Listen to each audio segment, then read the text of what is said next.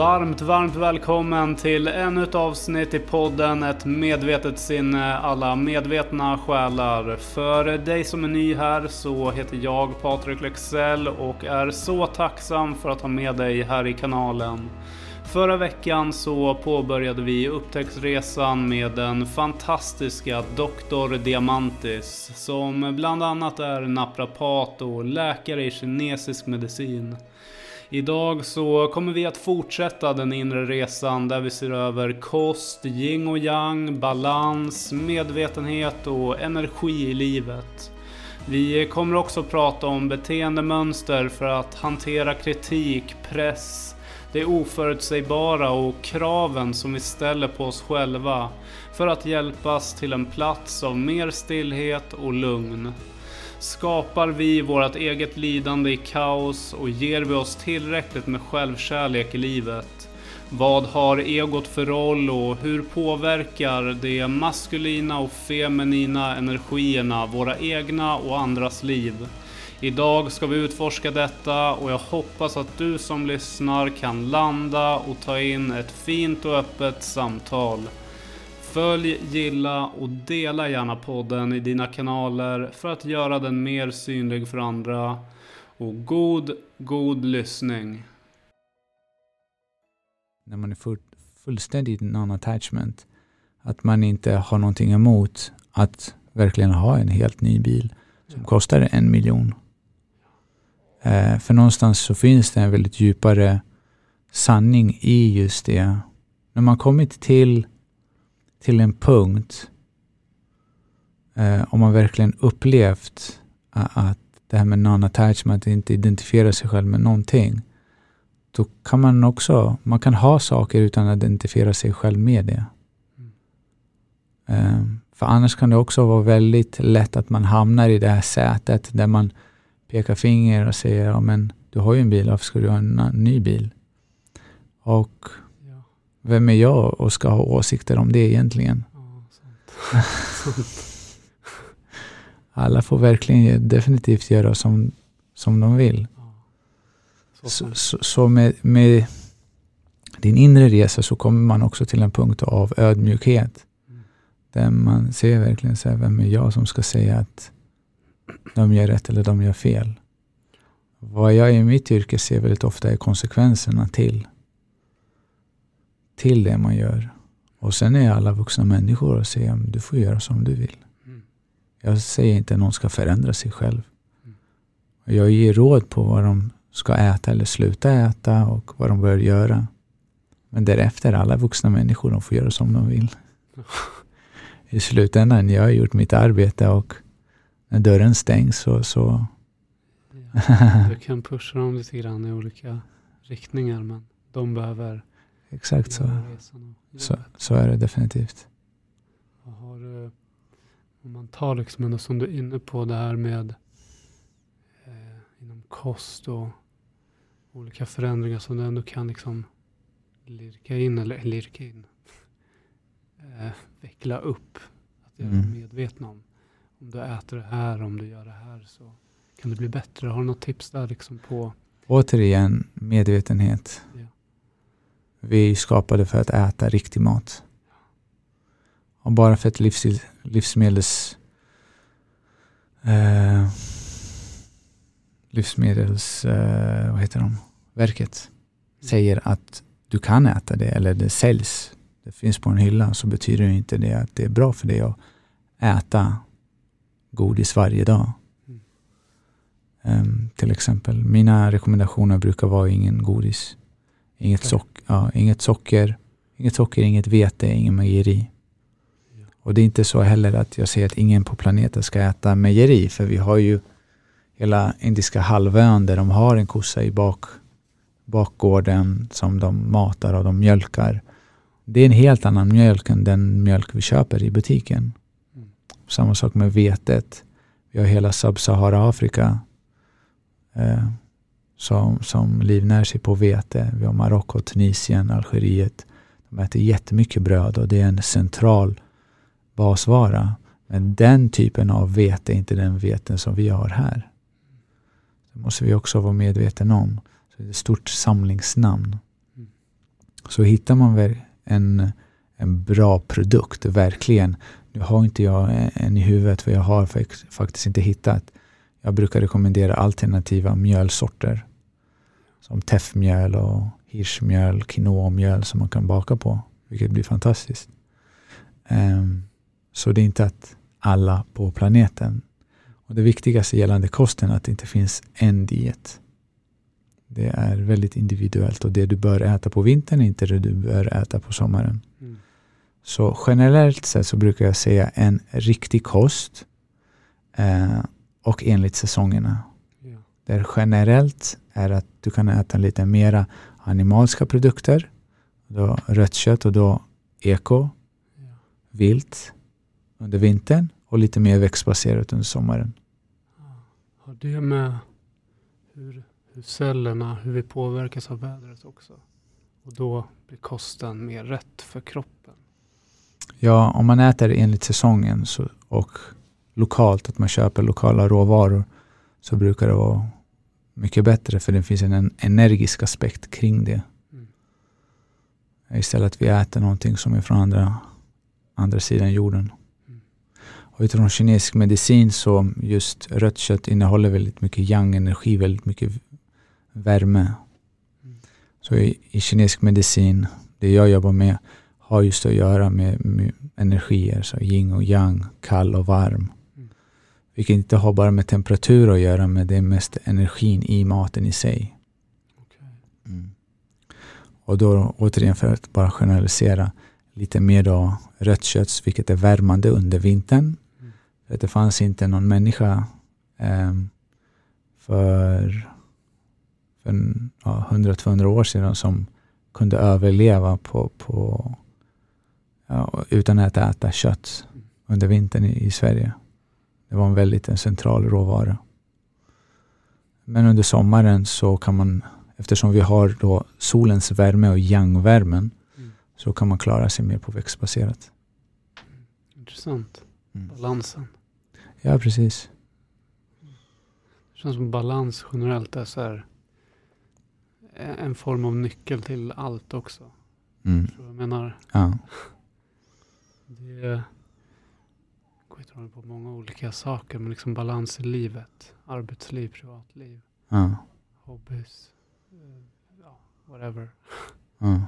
Har man balans så, och, och den, någonting som, om jag bara går bak lite grann, där, jag tänker på en sak som för mig var svår när jag var i gymnasiet där någonstans. Mm. Så kände jag att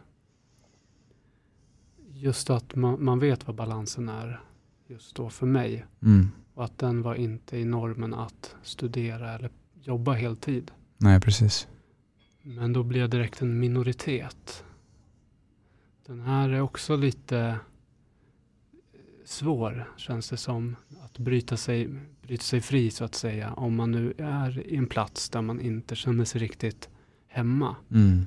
Och vill verkligen uppleva det här som du berättar om att leva i kärlek. Mm. Där man bara gör. Mm. Och känner att det är härligt. Då har man ju balans i allt. Mm. Men eh, just den där rädslan att under en period hamna i total förvirring, i en minoritet, i ett yttre dömande. Mm. Den är svår. Det var två aspekter av det. En sak är dels att kritiken och det som kritiken triggar i en. För det har egentligen inte med kritiken att göra, men det är hur vi reagerar till kritiken. Och den andra är då det oförutsägbara, som är skrämmande för väldigt många. För att alla ska tydligen ha en plan. Och den planen och kontrollen, behovet av det kommer ju då från smärta. Det kommer ju då att vårt autentiska jag blev berövat under oförutsägbara omständigheter. Så jag var kanske bara hemma och gjorde min grej, men min pappa hade en dålig dag på arbetet och kom hem och fick en raseriutbrott. Där fick jag min psykologiska käftsmäll. Så nästa gång jag helt plötsligt är hemma och jag vet nu, okej, okay, nu borde han komma hem. Och då gör jag mig i ordning då och ser till att jag är duktig och ah. fixar och har det städat och jag bara är produktiv. För att den kritiken jag får alltid, det är sitter du bara där och tittar på TV? Mm. Så jag associerar det med vara lat, med någonting som min pappa sa är dåligt. Mm. Och känslan av att jag inte är tillräcklig. Så länge jag inte är produktiv. Och där har vi då folk i, idag tyvärr så, som är, de kan inte sitta still. För så fort de sätter sig och kanske bara ska slappna av, då är det nästan att den rösten viskar. Sitter du där och bara är lat? Så man går och diskar för tredje gången idag. Och det kan definitivt vara väldigt jobbigt. Och det är ett beteendemönster som har tvingats in. Oftast är det en man berövas också just den här möjligheten att vara i sitt epicentrum, i sitt autentiska jag, i kontakt med sin feminina energi, vilket är att vara här och nu.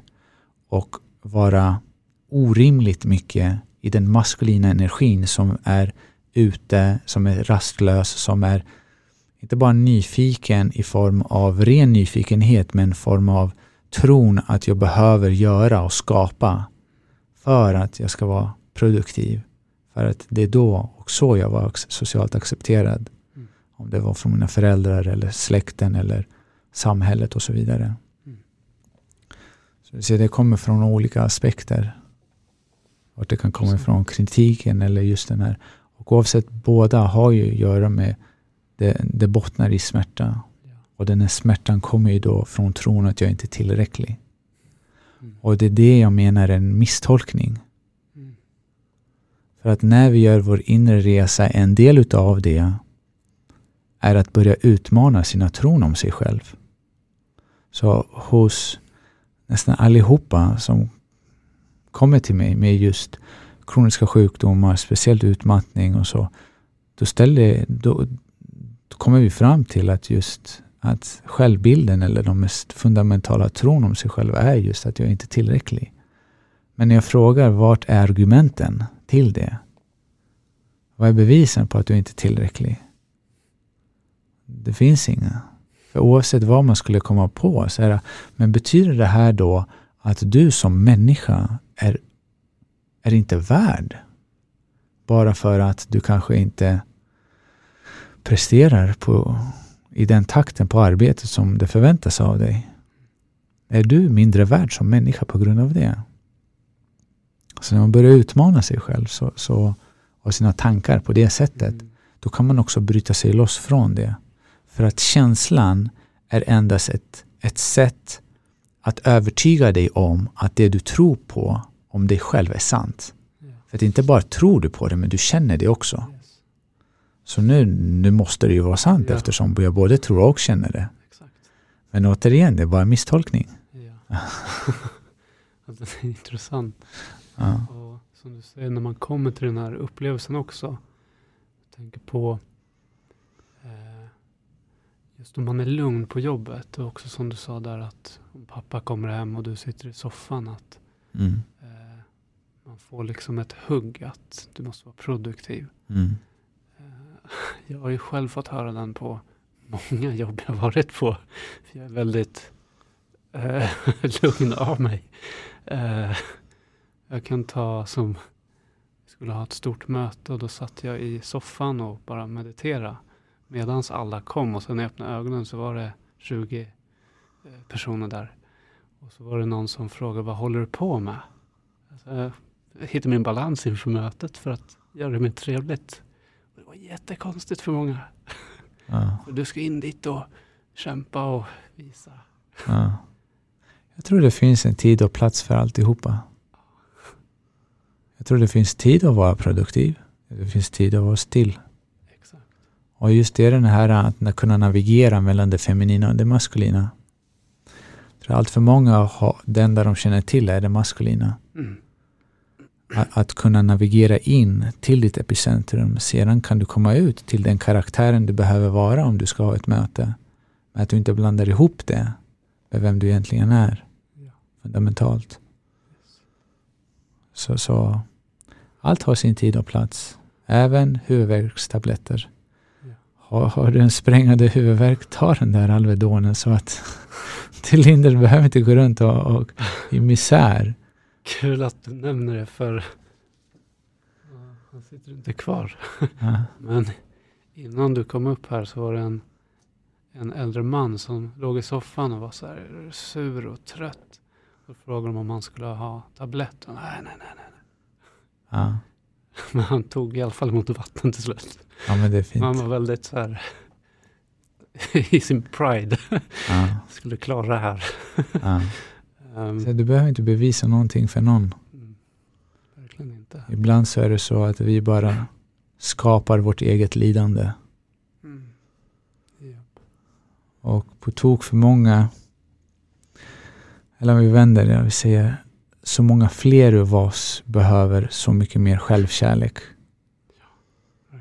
Ja, och bara ta det lugnt. Mm.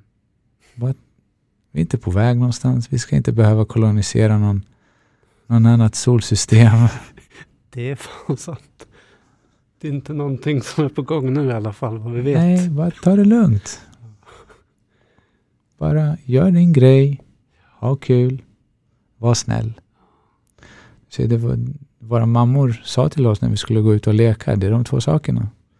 Ha kul, var snäll. Ja. Och försiktig. Ja. Man fick inte vara för Ja. uppe på tak och klättra högt och så här. Men det är också viktigt att tillåta barnen att göra, eh, göra farliga saker försiktigt. Mm. Just det, Ja. Det, det, är väldigt viktigt att kunna utmana. faktiskt. Mm. Klättra upp.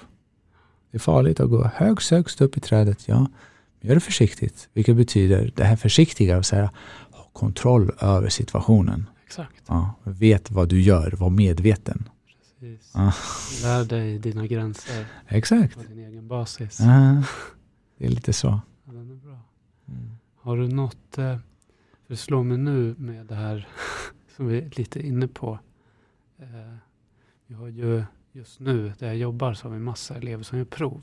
Ja. Dels så är man ju, vad ska man säga, man, man kommer dit, vissa kommer dit väldigt trygga Ja. i eh, att utmana sig själva. Ja. Men andra kommer dit i någon form av panik. Återigen det här med balansen. Hur, hur, har du något tips på så här, en snabb så här, en minuts eh, switch att nu, nu har jag kontroll? Eller om du är uppe i trädet, den här utmaningen liksom. Att stanna upp, vara försiktig. Ja. låt inte pressen och stressen blockera och låsa kroppen för man blir ju så otroligt spänd. Just det. Ehm, ta ett steg tillbaka. Mm. Ta ett djupt andetag. Bara ta det lugnt. Det kommer gå bra. Det du kan, kan du. That's it. That's it. Med gällande prov. Mm. Men du ser, det beteendet följer med sedan till ar- arbetslivet också. Hur många är det inte som får en ny tjänst och så ska de helt plötsligt bevisa och visa framfötterna. Vännen, du är väl anställd för att de vet att du kan. Mm.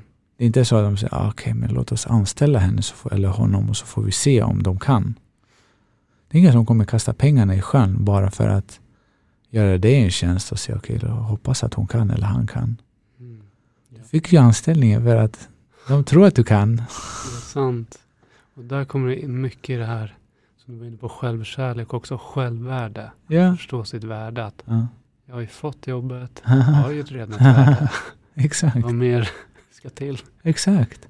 Och är det så här att du får lite annorlunda arbetsuppgifter, vilket du inte är van vid, Där antingen förväntningarna är för höga, att du inte hinner med, eller att kompetensen är inte där, då kan du väl fråga, förlåt, jag, jag vet inte exakt hur man gör här. Just i det här momentet, just med de här sakerna, oavsett vad det nu än är. Och det är inget fel att fråga. Du ska inte försöka klura allt, allting själv. Så återigen, då hamnar vi tillbaka till att bara ta det lugnt. Mm. Det är det bästa. exakt. Det, det känns som att just det, de orden är verkligen mitt eget mantra på något sätt när du säger det. Ja, exakt. För den eh, tilltalar mig mycket. Ja, Ta det lugnt. Jag brukar säga det till många vänner. Så säger jag tranquilo. exakt. Och så, Sluta hålla på med ditt jävla tranquilo. Ja, Tranquilo, ta det lugnt. ja, Det löser sig. ja, Det spelar ingen roll om... Alltså så länge inte någon är på väg att dö. Ja, ja. då kanske man behöver få igång adrenalin och inte Mm. sitta och chilla där. exakt. Men annars... Men här tror man att man kommer dö psykologiskt. Mm, Det är inte den fysiska döden man är rädd, men det är den egots död. ja. Att kritiken kommer ta död på en. Den har ju tagit över mycket. ja, men precis. Sen är det ju sen att någon som är väldigt stressad, att man säger till dem sluta stressa, det gör ju ingen skillnad. Där kan man egentligen hjälpa dem med att ta ett djupt andetag istället. För att kunna reglera deras nervsystem. Mm. När du är i fight or flight, det är inte så att du medvetet bara kan tänka dig ur det. Men att använda dig av biohacking-metoder just genom andning och att bara ta ett vända blicken inåt och bara observera att okej, det är det här som händer just nu. Och bara den insikten kommer också förändra då hur nervsystemet ter sig. Ja. Och så inser man att det är rätt lugnt. Exakt. Och då lugnet helt plötsligt börjar komma upp till ytan. Ja, säger jag okej, nice. Och det sprider sig också. Ja, Det är någonting jag verkligen har märkt. Du pratar mycket om det just det här med att eh, alltså hur din energi man påverkar varandra på ett omed, omedvetet plan oftast. Då. ja precis. Ibland medvetet om man vill det. Men jag tror väldigt sällan. Ja, Eh, Men just den här att om, om jag kan ta på resan hit så satt jag på tåget. Och jag sitter och dels lyssnade jag på något klipp med dig. mm. Och sen lyssnade jag på eh, Sadhguru lite grann när han kör den här I'm not the body, I'm not even the mind. Mm. Och sen öppnar jag ögonen och ett, ler och nästan gråter. Jag är så i, i the moment. ja, Och ser att det sitter folk och kollar och ler mot mig. ja, För att de det liksom speglar av sig. ja. Det är bara vackert. Det är jättefint. Eh, och samtidigt om man sitter, du vet, hukad, man är ledsen. Det smittar av sig också. I morse när jag åkte tåg en kille som satt med armarna i kors. Skitsur. Jag kände bara att min puls började slå. Jag började bli stressad. Ska byta plats. Det här är inte en bra energi. ja, Så försökte jag kolla på honom och så här visa sig det är okej. Och försökte visa sig att det är ingen fara. Men han var, han var riktigt trött på livet idag. ja. Men det är jag också ibland. Ibland eh, man vaknar upp och man är tänker, frustrerad. Man vill så pass mycket. Och det, man har sådana dagar också. Så ibland är det molnigt och det kommer skurar. Låt det komma skurar. Ja, Även den, det passerar också. japp, Ja, det gör ju det. ja. Så um, det är också på tal om balans i yin och yang. Att man inte ska selektivt försöka bara ha det ena Mm. utan det andra. Ja. Men det ena berikar också det andra. Så båda delarna är också viktiga. Så att vi, vi upplever livets och känslo, det känslomässiga livet fullständigt hela spektrumet. Att vi inte fördömer vissa känslor. Så sant. Otroligt bra sagt. Ja, Annars kan det bli lätt att man hamnar i någon slags eh, en fantasivärld och eh, inte tillåter sig att känna det jobbiga. Eller, ja det finns en form av positiv eh, toxitet också. mm. Eh, att man, oavsett det är orimligt. Så, så länge det är rimligt till situationen, det är okej. Men om någon, säger vi, tittar på dig och du upplever som att den typ- personen tittar snett och, och det väcker en storm av känslor inom dig. Det är oproportionerligt kanske. Så, så länge allting är i proportion till varandra, fine. Mm. Så en regnbåge har ju alla färger. Så, Japp. ja. Och den är ju vacker för det. Japp. Och vi behöver hela den här mångfalden. Mm. Mångfalden av känslor, men också mångfalden av olika typer av människor som har en närm, som är mer benägna till vissa känslor och visst beteendemönster. Ja. Så det får vi inte heller glömma bort att vi försöker skapa en form av stereotypisk eh, personlighet så att säga. Vi behöver de hetlevrade också. Ja. De korta stubinen som exploderar. Oh, ja. Ja, för de, de har också sitt syfte i hela mångfalden och vi behövde ju dem när vi migrerade från Afrika och så kom vi upp till, till, till, till Alperna och helt plötsligt så stiger det upp tusentals meter stora berg vi behöver adrenal junkies som bara står och stampar och väntar på att klättra upp på andra sidan för att se vad det är som finns där. Ja. Jag menar, jag, jag är inte den typen av energi. Mm. Jag skulle sitta, ja men det är ganska trevligt här nere. Ja, det är det. Jag är nog samma där. Exakt. Det är ganska gött alltså. Ja, det är ganska nice här. Vi kan hänga kvar och kolla på solnedgången och Exakt. mysa. Precis. Medan andra säger, men alltså kom igen, vi såg ju den igår. Mm. Kan inte vi gå upp till berget istället? Ja, det är, när du nämner det här så ska jag om någon vecka ska upp till Höga Kusten och klättra eh, Via Ferrata. Och då sa jag det att det viktigaste är att vi halvvägs stannar och chillar. Målet var absolut inte toppen för mig.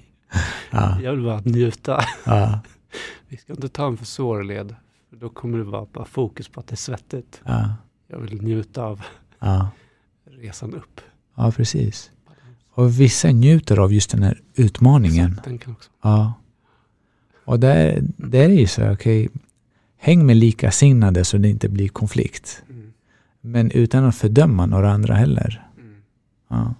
För då blir det också väl så, okej, men mitt lag eller jag har rätt och du har fel. Mm. Och det, det, och det kan man sedan applicera på massa olika Oh ja. omständigheter i livet också.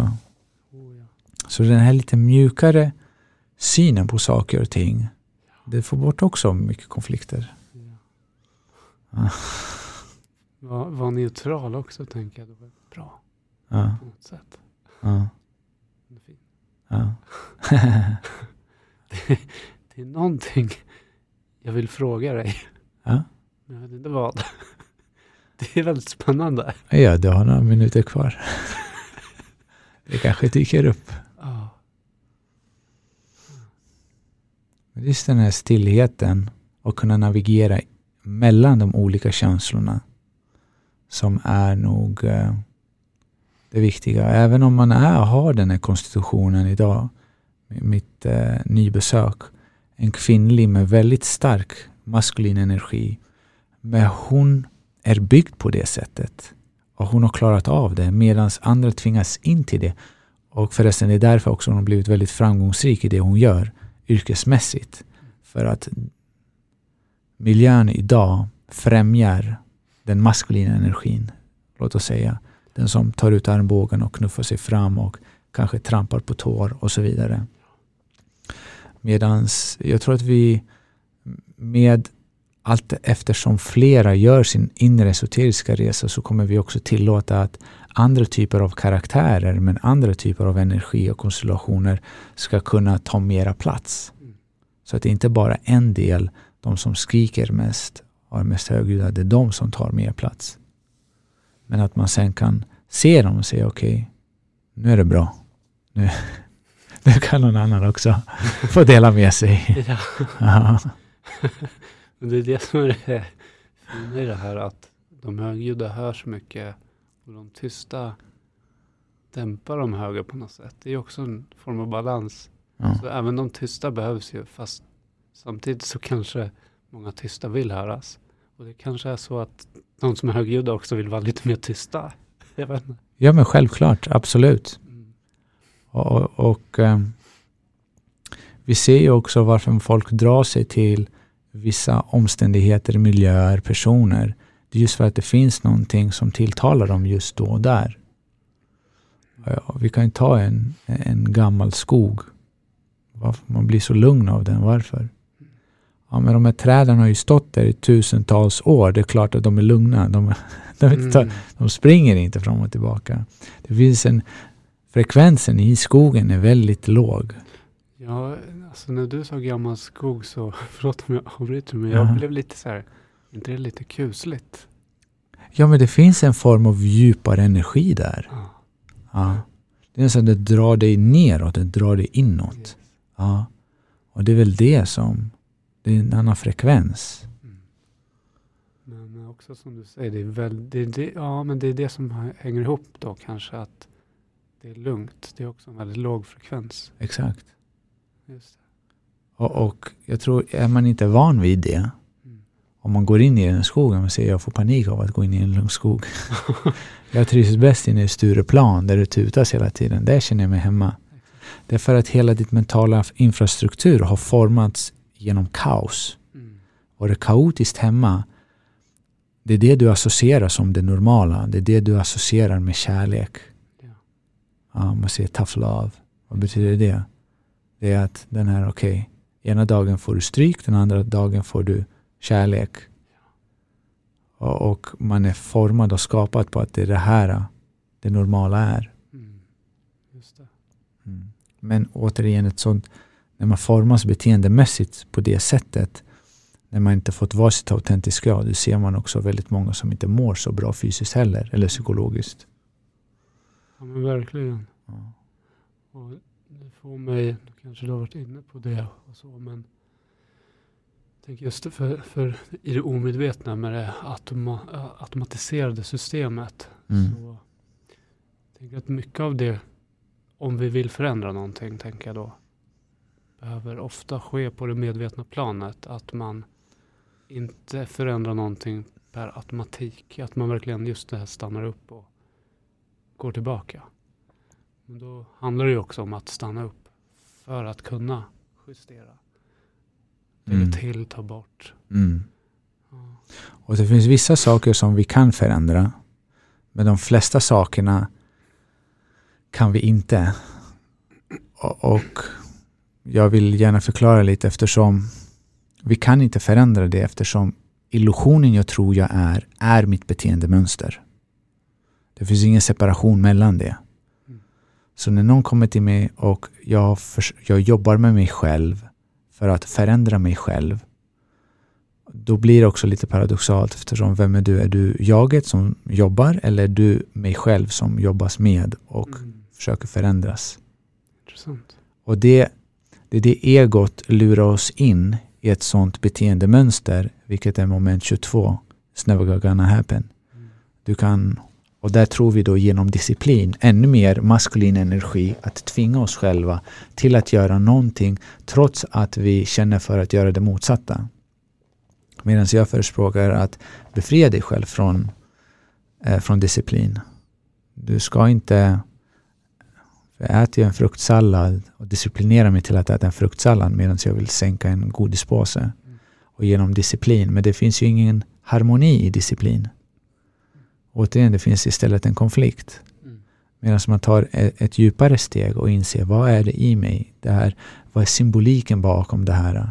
Att jag går och gömmer mig någonstans eller efter att barnen har lagt sig, då tar jag fram det här och då unnar jag mig själv. Jag klappar mig själv på axeln.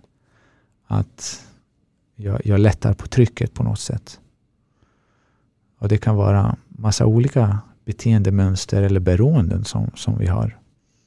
Medan när vi gör vår inre esoteriska resa, då upptäcker vi också allt vi inte är.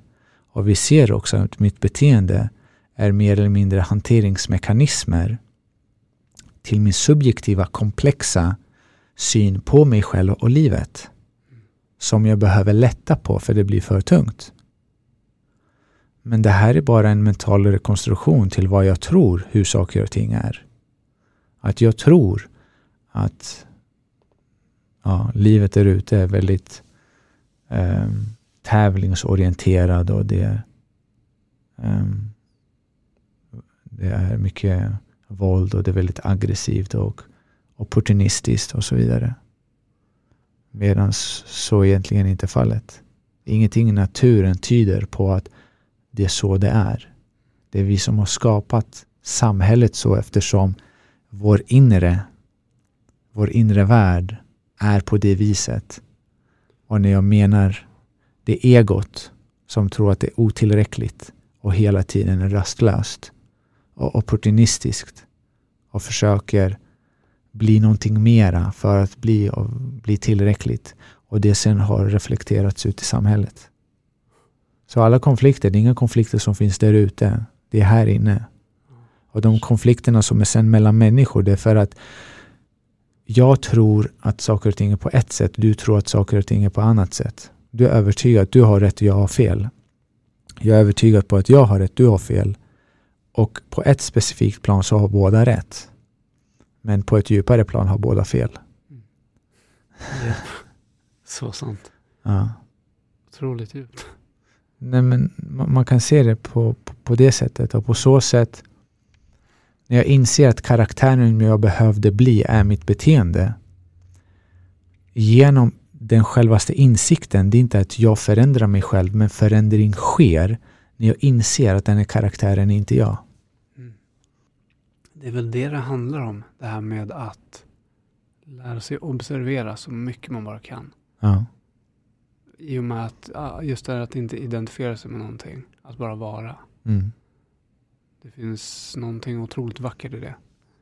Att eh, den är ju också svår. Ja, intressant. Att tillåta saker och ting vara exakt som de är. Ja, exakt. Så fort vi ser en blomma ska vi sätta en stämpel på den och den är fin eller den är ful. Eller att den är si eller den är så. Men blomma är bara en blomma. Den, den, vet ju inte heller om sig själv.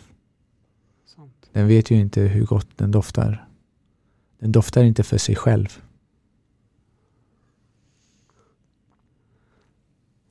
Det är så sant. Och kan vi göra samma sak?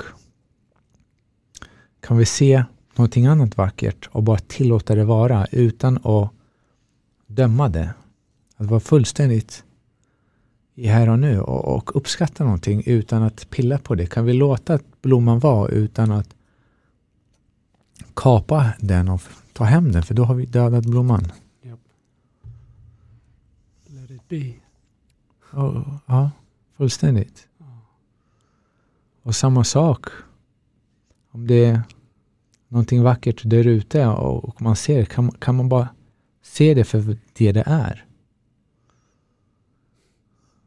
För det har ju egentligen det har ingenting med, med det att göra. Det har mer med oss att göra, vårt perspektiv på hur vi ser på saker och ting. Och det är det som skapar den subjektiva världen Medan den objektiva världen är fullständigt annorlunda. Den bara är. Det roliga när du, när du berättar det här nu.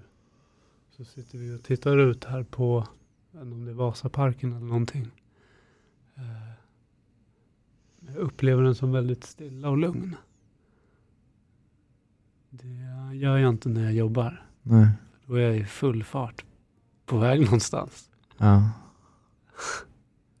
Rätt gött att bara låta saker vara.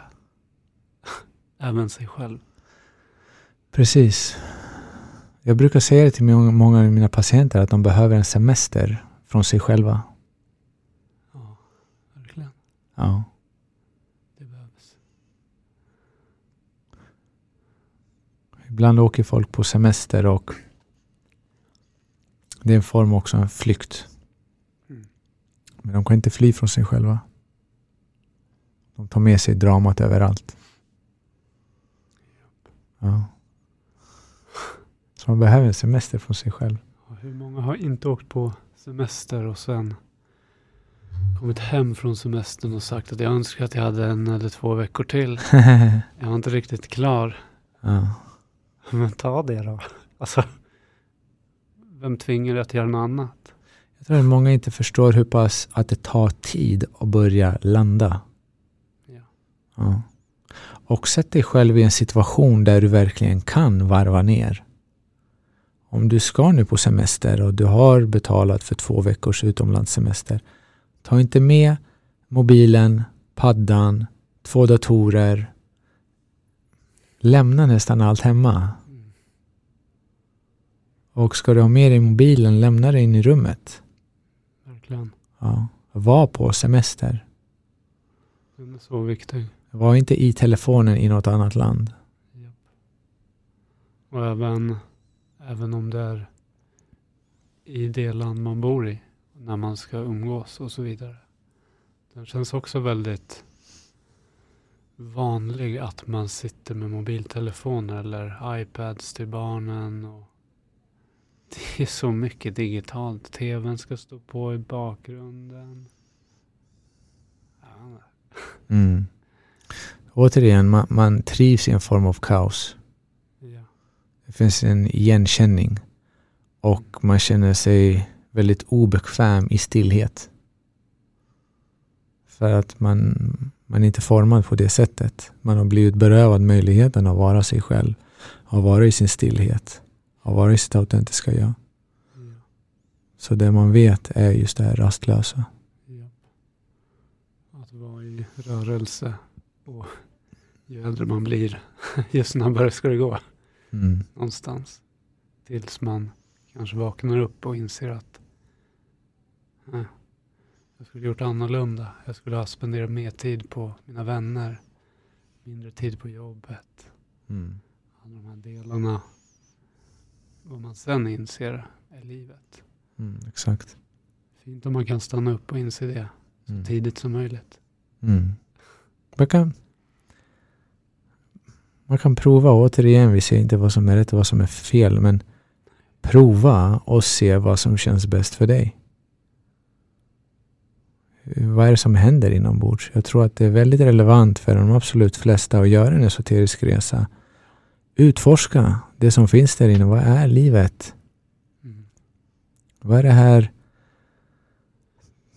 den biologiska hjärnan som skapar så mycket tankar hela tiden. Vad är det för något? Vart kommer de ifrån? Vad säger att de är sanna? Vad, vad är för bevis att mina tankar är sanna? Att det stämmer? Varför antar vi att det jag tänker och det jag känner är alltid sant? Det är så... De här frågorna är så intressanta. Ja. Det är så... Jag, blir, jag är väldigt nyfiken som person på så här. Jag ifrågasätter frågorna. Jag vet, Micke Gunnarsson sa det också, det här med säg varför flera gånger till din egen fråga. Utmana den lite. Precis. Det är sjukt spännande, Ja. eh, tycker jag. Ja.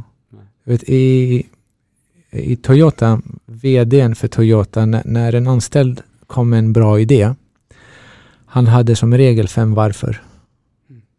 Om en anställd skulle presentera sin idé och kom igenom alla fem varför, då fick de göra det, oavsett vad det var.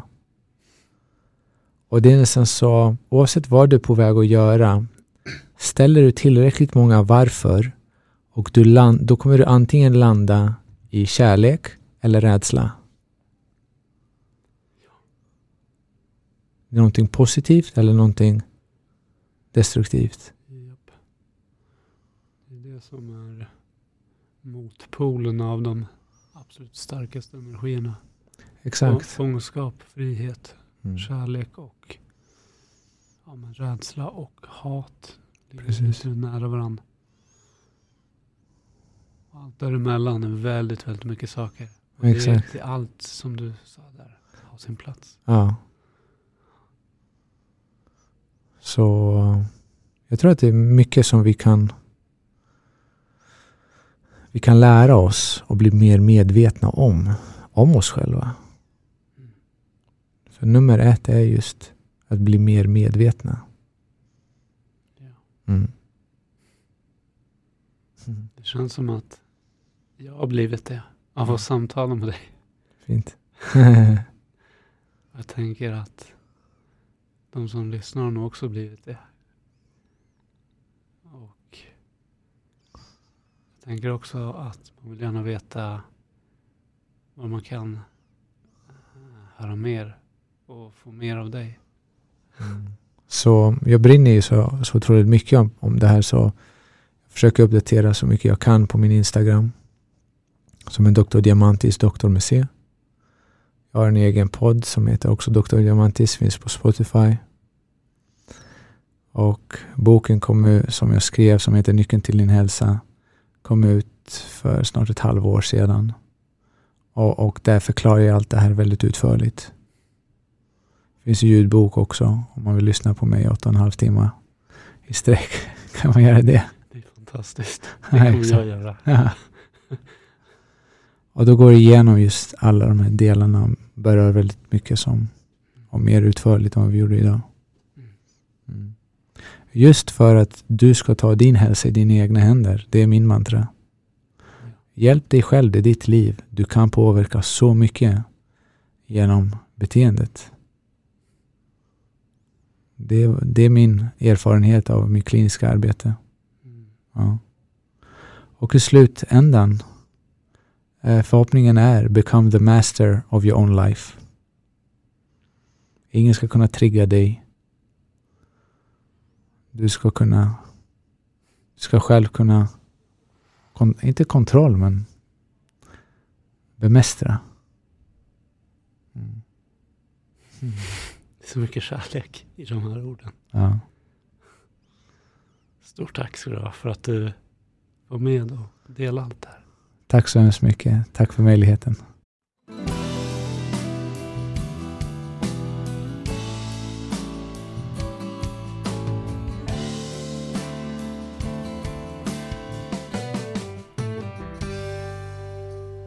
Jag vill eh, tacka dig för att du har lyssnat och deltagit i detta avsnitt. Och eh, om du gillade avsnittet så glöm inte att eh, följa, gilla och dela podcasten. För att också bidra med att göra den synlig för andra. Till nästa gång, tro på dig själv, lita på dig själv och var dig själv.